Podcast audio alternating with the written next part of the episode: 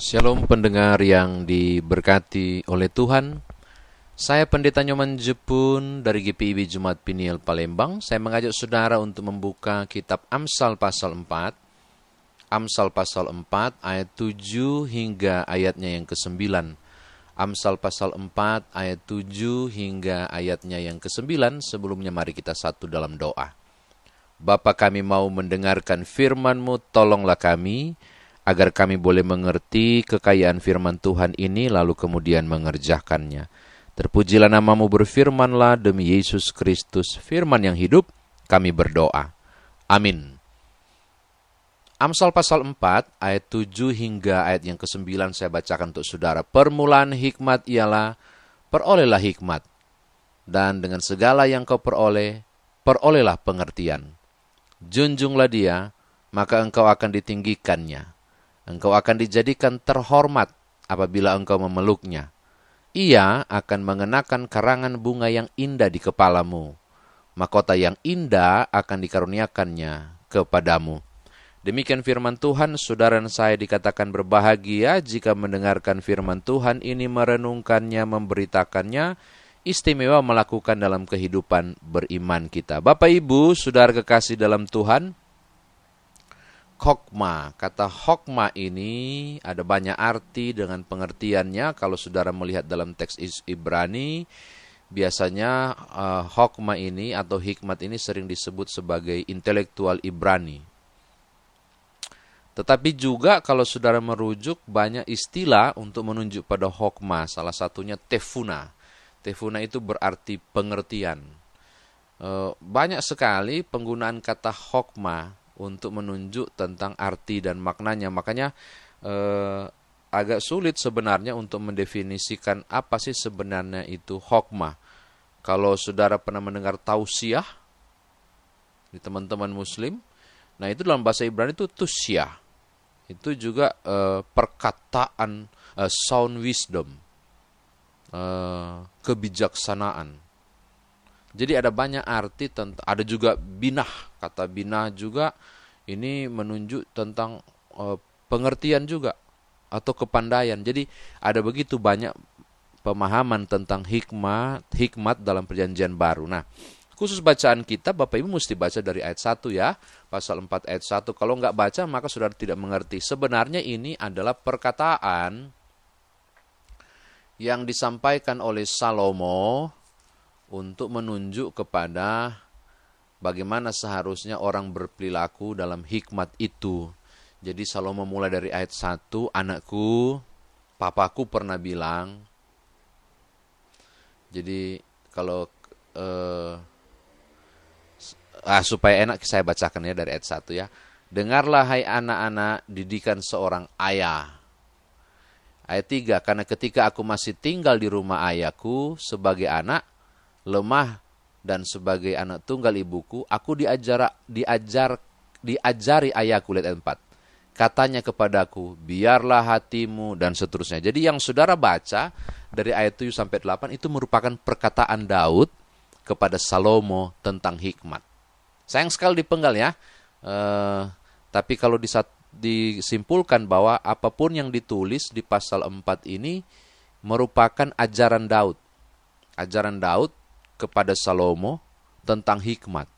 Gara-gara Salomo eh, Daud mengajarkan tentang hikmat panjang lebar dari ayat 20 sampai ayat 27, akhirnya kan setelah besar Salomo jadi raja yang dia minta cuma satu kepada Tuhan, berikan aku hikmat. Ya toh kalau sudah baca di raja-raja. Jadi saya menyimpulkan catatan yang pertama dulu ya Bapak Ibu Saudara bahwa karena ayahnya Salomo yaitu Daud mengajarkan tentang hikmat, Akhirnya Salomo berburu hikmat. Itu saya simpulkan. Nah, mari kita petik apa sih apa sih yang diajarkan paling tidak di ayat 7 sampai 9 oleh Daud kepada Salomo mengenai hikmat. Permulaan hikmat lihat ayat 7. Permulaan hikmat ialah perolehlah hikmat dan dengan segala yang kau peroleh perolehlah pengertian. Saya periksa di teks Ibrani maksudnya apa ternyata begini Bapak Ibu. Ayat 7. Permulaan dari hikmat adalah apa pun yang kau peroleh, perolehlah hikmat. Jadi mau bilang begini, permulaan dari segala hikmat adalah jika engkau mau mengejar hikmat. Saya ulangi. Langkah awal, langkah awal untuk mendapat hikmat adalah keinginanmu untuk mendapatkan pengertian dan hikmat itu. Saya ulangi. Orang ingin mendapatkan hikmat, maka orang itu harus sungguh-sungguh, harus sungguh-sungguh punya niat untuk mendapatkannya. Sebab Daud bilang kepada Salomo, permulaan hikmat ialah perolehlah hikmat. Dan dengan segala yang kau peroleh, perolehlah pengertian. Seakan mau bilang begini, jika engkau ingin memperoleh hikmat, maka permulaannya adalah carilah hikmat. Carilah hikmat. Lalu perolehlah pengertian. Seakan bilang begini, motivasi awal harus tepat. Saya ingin dapat hikmat, maka saya harus beroleh hikmat. Kira-kira mau bilang begitu. Oke, okay, tapi ini masih kabur. Kalau begitu bagaimanakah supaya saya beroleh hikmat dengan cara mengupayakan hikmat itu? Pasal 1 ayat 7 bilang begini. Takut akan Tuhan adalah permulaan pengetahuan. Tausia tadi, hokmah tadi, tefina tadi, tetapi orang bodoh menghina hikmat dan didikan. Maka kita simpulkan, untuk beroleh hikmat, kata kata Daud, kepada Salomo, kejarlah hikmat itu. Nah, untuk bisa kejar dia, orang itu harus takut Tuhan. Nah, kita dapat ayat 7 ya. Jadi permulaan hikmat adalah keinginan untuk mendapatkannya. Disertai pasal 1 ayat 7. Orang itu harus takut Tuhan. Oke, ini catatan yang pertama. Lalu yang kedua, lihat ayat yang ke-8 dan 9. Ayat 8 dan 9 luar biasa Bapak Ibu. Dia bilang begini, junjunglah dia maka engkau akan ditinggikannya. Engkau akan dijadikan terhormat apabila engkau memeluknya, bahkan dapat kalungan bunga dan mahkota di sembilan. Apa maksud dari teks ini? Sederhana Bapak Ibu untuk memahami. Dari awal kan Salomo sudah tulis tuh betapa besar fungsi hikmat ini. Hari Minggu, berapa minggu yang lalu saya menjelaskan juga secara sederhana hikmat itu bisa berarti seni menjalani kehidupan sesuai dengan kehendak Allah. Saya ulangi. Hikmat itu adalah seni menjalani kehidupan sesuai dengan hikmat Allah. Pinter saja tidak cukup, orang membutuhkan hikmat. Dia bisa menciptakan senjata. Tapi bagaimana mempergunakan senjata itu butuh hikmat. Tidak ada hikmat, dia akan pakai senjata itu untuk membunuh atau menganiaya. Kurang lebih seperti itu. Makanya hikmat adalah seni menjalani kehidupan sesuai kehendak Allah. Hikmat adalah upaya seseorang untuk menjalani kehidupan dengan benar sesuai dengan kehendak Allah. Makanya Umumnya dalam teologi perjanjian lama hikmat disebut sebagai seni menjalani kehidupan yang benar sesuai kehendak Allah. Lalu mari kita hubungkan pengertian ini dengan ayat yang ke-8 dan 9. Hubungkan pemahaman ini dengan ayat 8 dan 9. Junjunglah dia, maka engkau akan ditinggikan. Engkau akan dijadikan terhormat apabila engkau memeluknya. Maksudnya, jika engkau menjalani kehidupan secara benar sesuai kehendak Allah alias hikmat itu, sudah pastilah orang akan beroleh kehormatan, orang akan kemudian ditinggikan, iya kan? Karena apa yang ia jalani, apa yang ia lakukan itu sesuai dengan kehendak Allah. Semua yang benar dan itu bentuk dari seni kehidupan. Bapak Ibu bisa bayangkan kalau ada orang yang benar-benar selalu melakukan kebenaran dan benar-benar melakukan semua kehendak Allah. Apa posisinya? Ya diakuilah apa posisinya? Dihormatilah. Apa posisinya? Disegani tentunya. Dan tidak heran kalau disebut sebagai karangan bunga. Karangan bunga itu hanya dilakukan dan hanya dikalungkan kepada orang terhormat. Dalam teks perjanjian lama. Jadi bisa bayangkan ini. Ketika orang memperoleh hikmat, menjaganya, mendekapnya, mengutamakannya. Berarti orang itu telah menjalani seni kehidupan ini yang benar sesuai dengan kehendak Allah. Lalu apakah yang didapati padanya? Tidak ada kekurangan. Lalu apa yang didapatinya? Kalau pasal 1 mengatakan melebihi emas, melebihi permata, melebihi perak, umur panjang, kekayaan, apalagi. Jadi betapa dengan hikmat ini menjanjikan banyak hal dalam kehidupan ini. Kira-kira papaknya Daud, dan eh, papaknya Salomo, Daud mau mengajarkan itu kepada Salomo. Dan tidak heran kalau kemudian Salomo mengejarnya. Saya kira demikian firman Tuhan ditafsirkan bagi kita. Nah, sekarang bagaimana kita bawa dalam kehidupan beriman kita? COVID-19 itu cuma bohong, COVID-19 itu cuma isu, ya, tidak ada yang bisa melampaui kuasa Allah. COVID sekalipun akan tunduk kepada Allah.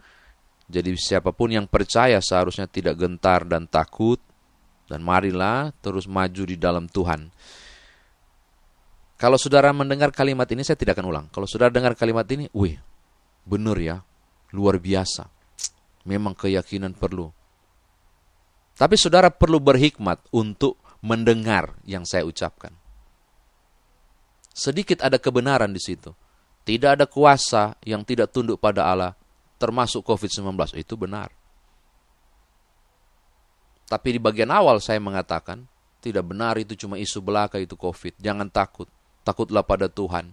Kesannya benar, tapi orang berhikmat harus memilah. Untuk menjalani seni kehidupan yang benar, sekaligus takut Tuhan. Orang berhikmat akan bilang bahwa benarlah tidak ada kuasa yang melampaui kuasa Tuhan termasuk COVID-19 sekalipun. Tetapi, ini orang berhikmat harus begitu. Jalanilah kehidupan sesuai dengan protokol kesehatan yang tepat. Kan begitu. Ini konsep yang mau diajarkan oleh Salomo. Ketika orang berhikmat, orang akan dan memeluk hikmat itu, lihat ayat yang ketujuh dan ayat yang kedelapan, maka ia bagaikan orang yang dihormati, orang yang ditinggikan, orang yang mengalami keselamatan karena pola hidupnya dituntun oleh hikmat. Saya katakan ini kepada Bapak Ibu untuk berkata, Saudara, dalam menjalani kehidupan ini, engkau membutuhkan seni kehidupan yang benar menjalaninya sesuai kehendak Allah, dan itu adalah hikmat. Bagaimana memperolehnya? Kok begitu penting banget ini barang? Bagaimana mengejarnya? Sampai Salomo cuma minta satu, nggak minta apa pun. Dia cuma dia tidak minta kekayaan, dia tidak minta kehormatan, dia minta hikmat.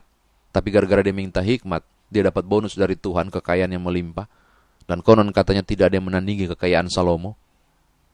Dan luar biasa jaya dan dihormatinya dia. Padahal dia cuma minta hikmat, dia dapat bonus banyak-banyak. Maka saya mau katakan juga kepada Bapak Ibu, kejarlah hikmat. Daud katakan kepada anaknya, kejarlah hikmat. Bagaimana caranya? Jadilah pribadi yang takut Tuhan. Sebab dengan pribadi yang menjadi pribadi yang takut Tuhan, saudara kemudian memperoleh hikmat. Dan ketika saudara memperoleh hikmat, karangan bunga dikalungkan kepala saudara. Mahkota dianugerahkan kepada saudara. Apa maksudnya? Saudara menjalani kehidupan yang disegani dan dihormati. Karena tutur kata, perbuatan saudara mengandung kebenaran yang takut akan Tuhan. Sebab cuma orang berhikmatlah yang mampu menjalani hidup ini bagaikan seni kehidupan yang benar dan takut akan Allah. Bapak Ibu, saya mau tutup firman Tuhan ini untuk mengatakan kepada saudara, jangan cuma dihotbahkan dan didengarkan ini hikmat. Kejarlah Bapak Ibu. Bagaimana caranya? Kata Yakobus, mintalah. Jika ada orang kekurangan hikmat, mintalah kepada Allah untuk memberikannya. Ketika Bapak Ibu nanti mengambil keputusan, Bapak Ibu di rapat PH misalnya, Bapak Ibu di perusahaan misalnya, dan saudara kesulitan untuk mengambil langkah dan keputusan tertentu, saya mau katakan, tikang lutut, sembayang dulu dan minta hikmat dari Tuhan untuk membuat keputusan, membuat statement tertentu, mengambil langkah untuk masa depan keluarga, bisnis dan apa pun. Libatkan Tuhan dengan cara minta hikmat. Tuhan menolong Bapak Ibu Saudara. Haleluya. Amin. Mari berdoa, Bapak syukur, kesempatan boleh mendengarkan firman-Mu. Kami butuh hikmat Tuhan itu. Anugerahkanlah supaya ketika kami menjalani apa pun di kondisi pandemi ini, di masa-masa sulit seperti ini, kami tidak salah langkah karena hikmat ada pada kami. Terpujilah namamu demi Tuhan Yesus Juru Selamat.